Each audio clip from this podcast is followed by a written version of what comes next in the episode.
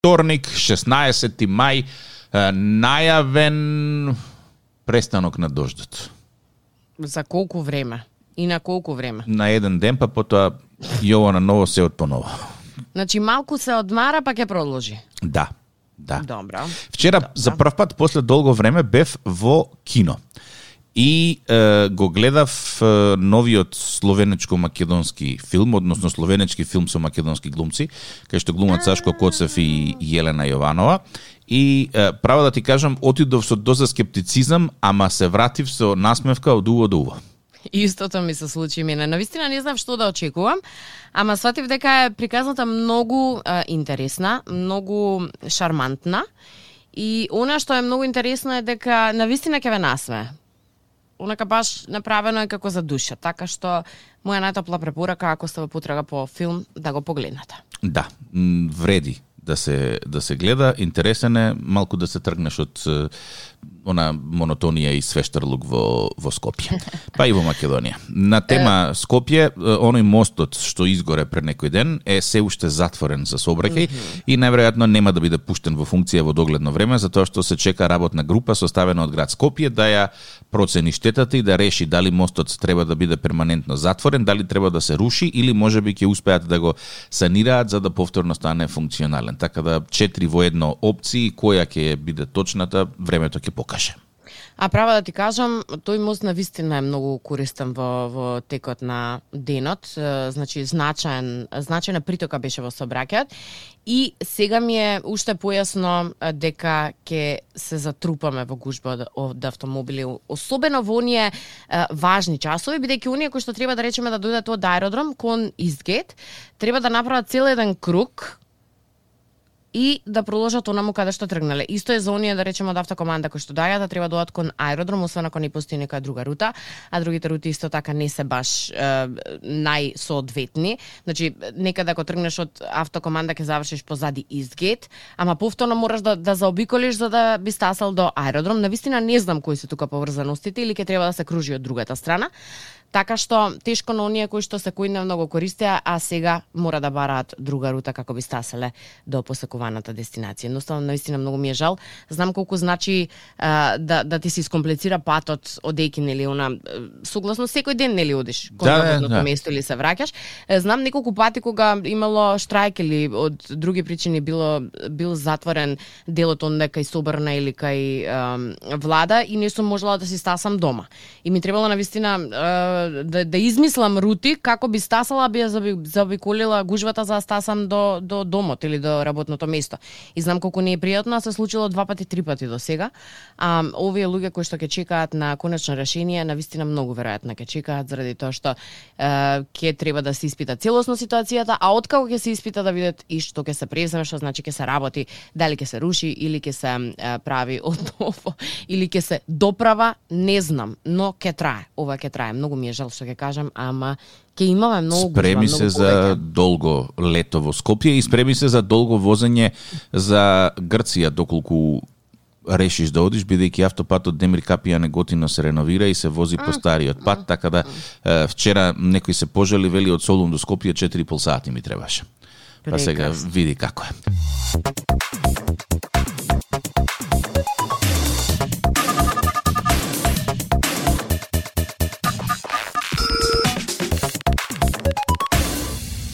На тема информации, многу ми е крива што малку подесно дојав до информацијата. Ем, вчерашниот ден беше многу важен за ем, луѓето кои што ја гледале, прегледале, догледале, повторно гледале серијата Пријатели. Дали беше ти еден од нив? На времето да. Памтиш некои делови од е, серијата? Моменти? Како низ магла, искрено, не. Што значи дека сега да седнеш повторно да гледаш, пак ќе ти биде интересно и пак ќе се смееш на истите делови кои што си се смеел па си заборавил. Па прашање, ама да кажеме дека да. Би До се сега смеел. колку пати имаш гледано? Еднаш само, ја не сум од тие што ги гледаат. Да.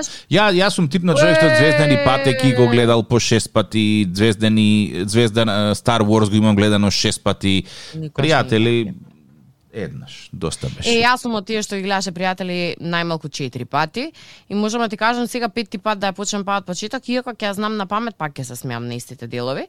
Меѓу другото, вчера беше многу важен ден заради тоа што беше 22 годишнина од бракот на Моника и Чентлер. Не знам дали колку? знаеш. 20 и колку години? 22. Е, Пробав да го најдам податокот, излезе така како информација некаде Моника вели е, правиме свадба на 15 мај и тргнав да барам колку години се поминати, односно кога е снимена епизодава. Епизодава е снимена на е, во мај 2001 година. Вау. 2001 2001 година. година. Да, инаку епизодата за која што говориме, свадбата на Моника и Чентлер е дел од седмата сезона, епизодите 23 и 24. Имаше многу случување во текот на таа епизода, така што би рекла дека и три епизоди да траеше, никому немаше да му биде чудно, меѓу другото Рейчел тогаш дозна дека е бремена со бебето на Рос. Конечно се сплотија. Не ти значи ништо си ги заборила. Не, да, сум ги заборил. Е, е, тоа што било Ама оние кои што ги имаат гледано како мене едно 10 пати, сигурно ги знаат овие случувања. Права ти кажам, пријатели една од сериите кои што сум ја гледала многу пати поред и The Big Bang Theory. Исто така една малку понова серија, мислам дека и ден денешен кога ќе ја сретнам на телевизија, сакам да седнам да ги одгледам 20 минути кои што навистина многу ме смеат. Сакам да гледам филмови и, и серии кои што навистина ме одвраќаат од секој. Невиет ова претходново кое што го кажа за најновиот филм на Сашко Куцев и Елена, некако ме ме наврати, ме подсети на на овие работи. И можеби денес повторно ќе седнам да изгледам некој од епизодите на едната или на другата серија.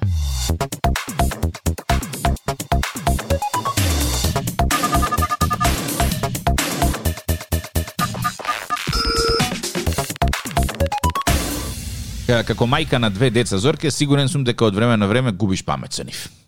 Не, од кај таква приказка? Не, ние сме секогаш во зен позиција. Мислам нормално дека губиш разум, не да губиш разум, него си викаш леле, леле, леле, многу ги сакам, ама дај нека си легнат, нека спијат. Најмногу ги сакам во хоризонтална положба кога не испуштаат звуци, кога мирно спијат и нешто сонуваат. И знаеш ли што е најстрашната работа? Ти Што? мислиш дека губиш разум, меѓутоа науката потврдува дека ти навистина губиш разум. Сериозно? Сериозно. Добро. а, универзитетот во е, Центарот за истражување при Универзитетот Колумбија направил истражување и дошле до заклучок дека воспитување на три или повеќе деца може да го поттикне почетокот на когнитивниот пат или деменција подоцна во животот. Ако имаш три деца во споредба со две деца, Добро. веројатноста е дека ќе добиеш деменција 6 години пред во споредба со ако имаш две деца. Добро. Дополнително, три деца, Добро. Значи повеќе финансиски трошоци за родителите, со што се намалуваат приходите и животниот стандард на семејството, што предизвикува грижи и несигурности, кои што може да доведат до заборавање и влошување на когнитивните когнитивната свест на, на лицето. Добро, превод може да кажем на ова значи. Ајде, Значи како сакаш вртиго ќе добиеш деменција. па ќе добиеш, меѓутоа со три деца ќе ја добиеш побрзо од со две деца. Е добро да, сега ако добиваш Шест години веќе- порано. Е добро да. Е, шест години се. Ама да ти кажам нешто, може ние да се објаснуваме тука дутре са балја, ама радоста е, и чувството да мириснеш бебешко, да чувствувам пред бебешко. себе. Нема поубав мирис од бебешко. Не постои поубав мирис. Тој мирис е подеднакво е, заразен и кај мажите и кај жените. Кога мирисаш бебешко, мирисаш на спокој. Не знам зошто никој не патентирал и не продава мирис на бебешко. Не може да се патентира мирис на бебешко. Тоа самото бебе го лачи. И Можеш да се подсетиш, мене ми стои некаде подзаборавено во, во задниот дел на мозокот, ама ми мириса на бебешко, на чисто, на не знам искрено како стареам се поише и поише го осеќам мирисот на старите, да не на бебињата, така да. Да си го смениш друштвото. Ма зашто што да правам? Ама морам да ти кажам дека и, и, и старите го имаат тој карактеристичен мирис. Ти го викаш мирис на бебешко, ова да не видам мирис на старешко, ама тоа е многу интересна работа. Сигурно се крие тука нешто во во, во начинот на кој што. Па да, ама имаше- би менувала еден мирис на, на бебешко за 12 мириси на старешко. Имаше еден документарец на Netflix, не знам дали се уште го има, меѓутоа правеа социјален експеримент, значи учесниците во експериментот требаше со затворени очи да мириснат различни е, луѓе во различна возрастна група. И според мирисот да се обидат да ги класифицираат кој во која група спаѓа. Значи кај старите и кај бебињата немаше утка. Кај другите па се случуваше Е, да има кажам промашување. Јас едно, една друга е, информација поврзана исто со мирисите. Исто е правено истражување на тоа дали одредено дете може според мирисот да си ја е, почувствува мајка си со затворени очи. Може. 99% од децата погодуваат која е мајка им без да ги допре, без да им каже глас ништо, според мирисот. Како и е, кај сите други луѓе, значи секој од нас има еден свој специфичен мирис кој што го носи во себе си. Јас можам, значи не знам да ти го објаснам со зборови, ама можам да го препознаам меѓу илјада луѓе мирисот на мајка ми. И тоа не е мирис на парфем или на, на да речеме, нели кој ќе се подиспотиш, не. Мириса на, леле, не знам како да го објаснам, а да ме разберете. Мириса на душа, на, на, на мајка ми мириса. И никој друг на светот го нема тој мирис. На спокој ти мириса. Исто како ќе си го мириснеш детето, да речем, или се надавам дека син ми која ме гушка мене, му мирисам на спокој. Односно, мирисам еквивалентно на тоа како мене ме мириса, да речеме, мајка ми. И тоа е еден незаменлив вкус. Е, мирис, извини. Значи, такви мириси имаат и бебињата. Добро, имаат. Меѓутоа Не викам дека во одреден период од денот не мирисаат и поинаку, ама на страна тие мириси 3-4 пати во текот на денот, мирисот на бебешко е леле, не знам, кај кај секоја мислам дека жена буди нешто во мозокот, некоја штрафче ти се подотштрафува и сакаш да го мирисаш во текот на целиот ден. Буквално би дала се во моментов да можам да мириснам бебешко.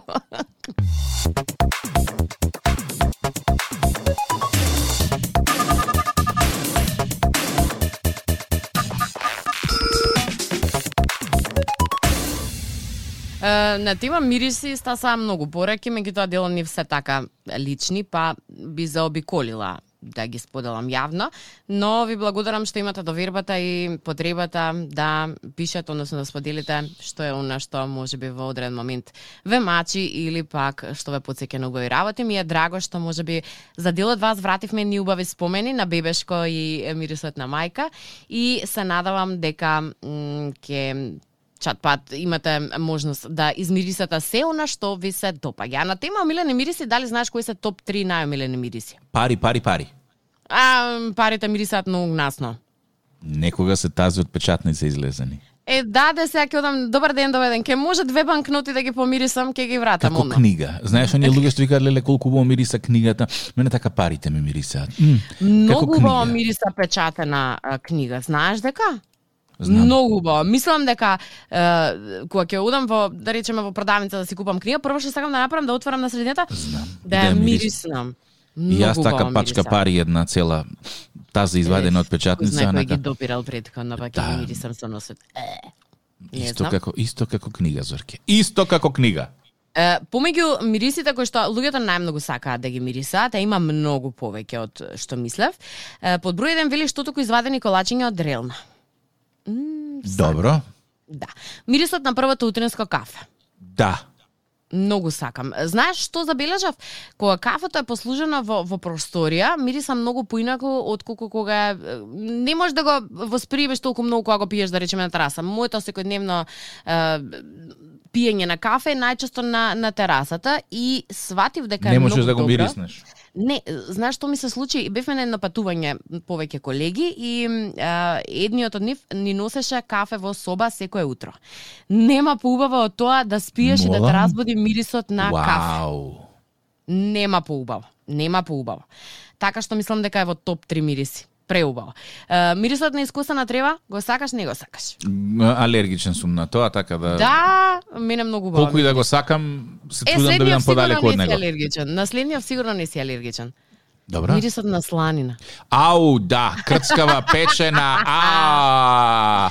Е, има еден мирис кој што не знам како мириса, ама би сакала наскоро да дознам, а тоа е мирисот на нов автомобил.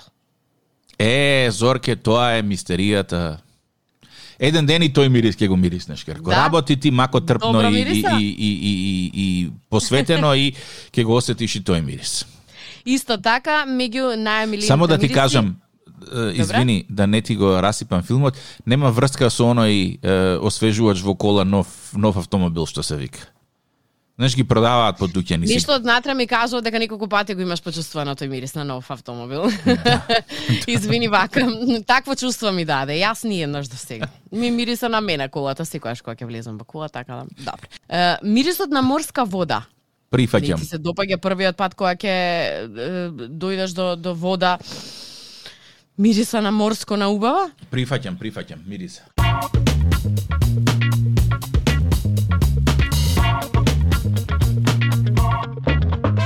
Семејните односи одат од една крајност во друга крајност. Има Одат, одат, да. семејства каде што младоженците и старите си живеат во заедница, има mm -hmm. семејства каде што се разделени, ама се блиску едни до други, има некои каде што не се гледаат, а има некои што се тужат. Има многу често, просто е скоро и да не постои семејства каде што некој со некого не е во некаков процес. Е, ама, едно е да се тужиш за неподелен стан, за земја, за нива или што годи да е, а друго е mm -hmm. да се тужиш за нераѓање. Пази сега, Зашто? нераѓање. Ајде, зашто е тоа? Пензионер, пензиониран индиски пар ги тужи синот и снаата. Mm -hmm. Барајки судот да донесе судска одлука со која што мла- младите ќе се обврзат да имаат внуче, односно дете во рок од една година, или да платат одштета од 675.000 американски долари. И И сега, бабава и дедово, индиците, велат дека внучето за нив е многу емотивно и чувствително прашање и не можат да чекаат повеќе. Рекле дека тој и неговата сопруга ја потрошиле целата своја животна заработувачка на образование на нивниот син да стане пилот и му договориле брак кој што се случил пред 6 години.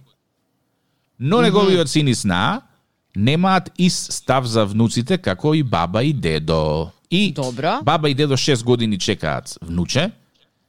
Младиве Внуче не нема. сакаат да имаат деца и баба и дедо викаат, аха, сега ние ќе ве тужиме. Боже. Нели? Добро. Замисли Значи, ти да... као, јас се ти дадов во животот синко и сега ти си должен мене да ми дадеш едно внуче. Ама мамо не сакам тоа, не се не, моите ставови. Не се твоите ставови, ќе видиме сега на суд дали се. Ама де факт е така, дури Зорке. и да го, ама добро, дури и да го добие спорот, да речеме дедово во некој друг свет, мислам дека не нема да му помине, ама дури да го добие, е, да ја добие тужбата, значи тоа е дете со сила направено. Ма тоа е... Заради тужба.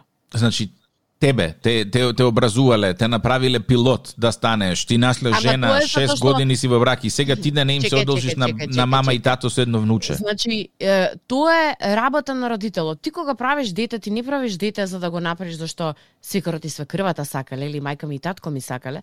Го правиш детето затоа што сакаш да го правиш. Од иста причина и го образуваш, и го школуваш, и трошиш финанси за него, и го правиш човек. Ама не за да утре ми даде внуче, го правам тоа затоа што тоа е мојата обврска и, и желба како родител, да му овозможам се што треба на тоа дете. Нели во границите на нормалната, не се се да му купам стан на 10 години, ама се што правиш, правиш за да од него направиш човек. Така Ниедно е. дете не е должно на ниеден родител нешто да му даде.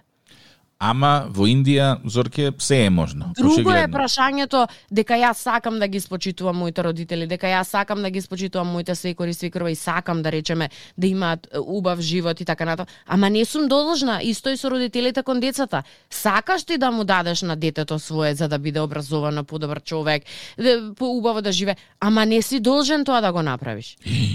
Сега кога ќе рипнат. Како не Ама си тоа должен? родителите го прават затоа што го сакаат, не затоа што се должни.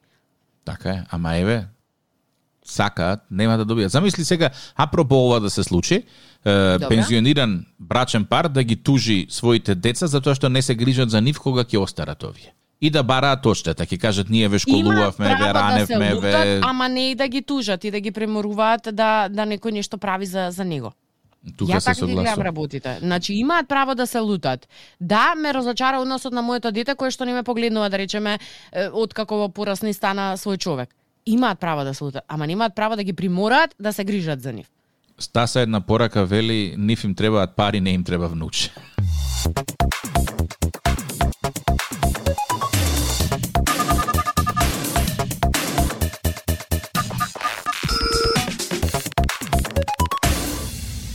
Пред е, гатанките, Време е за бескорисни факти.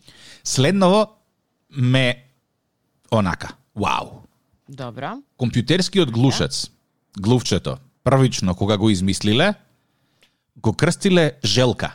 И тоа до некаде ми има логика, затоа што ако го погледнеш, вака од страна, ќе видиш дека личи на Желка, а не на глушец. А. Аха. Нели? И обликот е како на Желка. Е, ама не им се допаднало на некои маркетинг специјалисти, па го крстиле да биде глувче. За да се осигураат дека гледачите целосно ќе се впијат во светот на фантазијата на серијата, продуцентите на играта на троновите побарале од лингвистите да создадат девет јазици кои што се користат само во серијата, вклучувајќи ги Дотраки и Хајвалиријан, кои што не постојат никаде. Е тоа сакав да те прашам, како тоа би изгледало да измислиш нов јазик? Е, Не знам дали си гледала Звездани патеки како мала, меѓутоа во не. Звездани патеки е, исто така имаше многу измислени јазици, меѓу кои беше клингонскиот. Е, во Big Bang Theory го знаеа клигонскиот и си го користеа за да си испраќаат тајни пораки, а девојките да не ги разберат. Е, е, така да јазик како е ес- есперантото на пример, исто така е Мене многу ме интересира, еве да ни дадат задача на мене и на тебе да измислиме нов јазик кој што би се користел да речеме за потребите на некоја серија или не знам на некој документар. Поима немам, не, на нешто. Колку време ќе ти треба да измислиш се? но и нема потреба да измислуваме, само ќе си правам некои чудни звуци. Ама треба да ги запишеш и треба некој да ги научи за да може да зборува со нив. Па тој што ќе излезе таму ќе биде Еве, кажи ми нешто неизмислен јазик. возуб агиум аламум. Што ми кажа? Тик так и Зорка на Радио 2.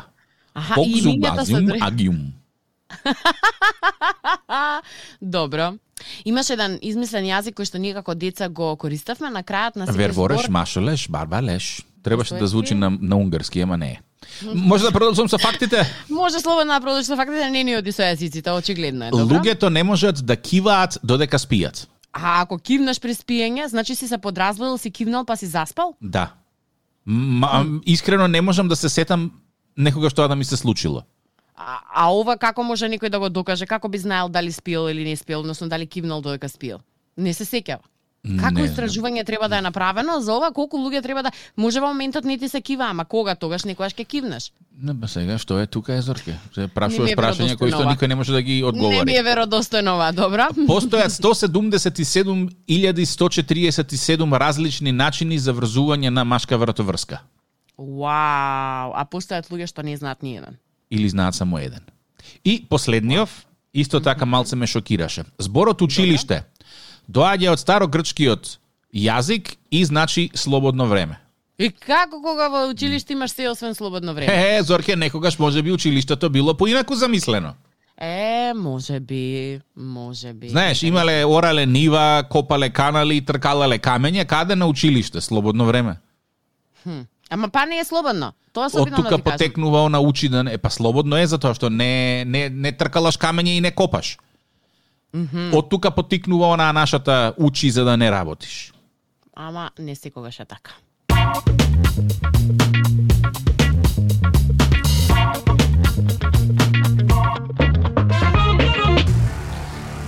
Во времето кое што веќе никој не го брои, Зорка ги спрема гатанките своји, тик-так да го потфати, да го зафати и по патос да го расклати.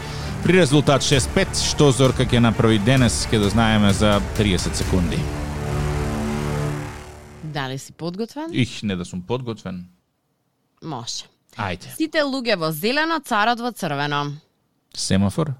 Не, Цреша? повторувам уште. Не. Зрело овошје? Не. Сите луѓе во зелено, царот во црвено. Јагода? Не. Анасана. Не знам. Роза. Роза? Ружа, роза. Зошто? Сите луѓе во зелено, ливчињата и се во е, зелено, царот во црвено. Ти си видела ружа? Сум видела. И ти личи на такво нешто? Сите... И па се така пишува. Е, па сега, не се што пишува е точно. Значи ја изгуби ga танката, помири се со тоа. Следна може? Може. Leno, leno, lenče, mamino devojče, tatina galenica, vidi mi svršenica, sve što sakaš lenče, tebe ke ti dadam, ko si da ti miluvam, nagradi da te uspivam. Велат дека еден од најдобрите начини да го деконцентрираш противникот е вака да му направиш нешто, така да спремен сум за гатанката. Ајде, си имав една невеста, кога ја видов, ја бакнав. И јас ја видов, и јас ја бакнав. Може уште еднаш. Како, како, како, како? Сите ја бација невестата. Да, си имав една невеста која ја виде ја бакне. И јас ја видов, и јас ја бакнав. Икона. Што е тоа? Не, Кокона. не. Лено, лено, ленче, мами. Со свој камен по своја глава се вика ова. Буквално. Не знам. Се предаваш? Се предавам. Бардаче. Кај ги вадиш овие зорке од пред 100 години Гатанки и гатанки? прашања. Гатанки и прашања, која година е само да видам? М, универзитетска 2015 Јас не знам вака кој ги знае одговорите на овие, ама Ти очигледно не ги знаеш, така да Очигледно. заклучивме дека денес завршуваме со резултатот 6 наспрема 6. Ти реков дека ќе те победам, те мола малку повеќе доверба во мене следниот пат. А, доверба имам јас Лено, лено, ленче, Меѓутоа, мамино девојче. тие гатанки што ти ги поставуваш, тоа е... Немам збор, немам зборови. Немам Еве ти зборови. уште една, еве ти помошна, еве ти помошна. Во поле оди и олеле вика, што е тоа? Рало, плуг. Не, не, не. Туку? Олеле вика, плугот олеле ли вика? Олеле, не знам што вика олеле. Звонче. А звончето олеле вика? И па така е. Ова е кој она со прасето мое, со грофтање. Ама битно дека ја не се побунив, тоа е тоа. Прасе, прасе. Иве ти уште една, сакаш? Ајде. Мало човече, големо чаламиште. А, у мало човече, големо, ова негде има прочитано у моите. Не знам. Печорка. Е, е, е. е. Да не ти земам уште еден бод, ќе Е. оставам 6 наспрема 6 и вака ќе го завршиме денешното издание со моја милост кон резултатот кој што ќе биде нерешено, па утре ќе се решаваме дали некој ќе победи или ќе остане така.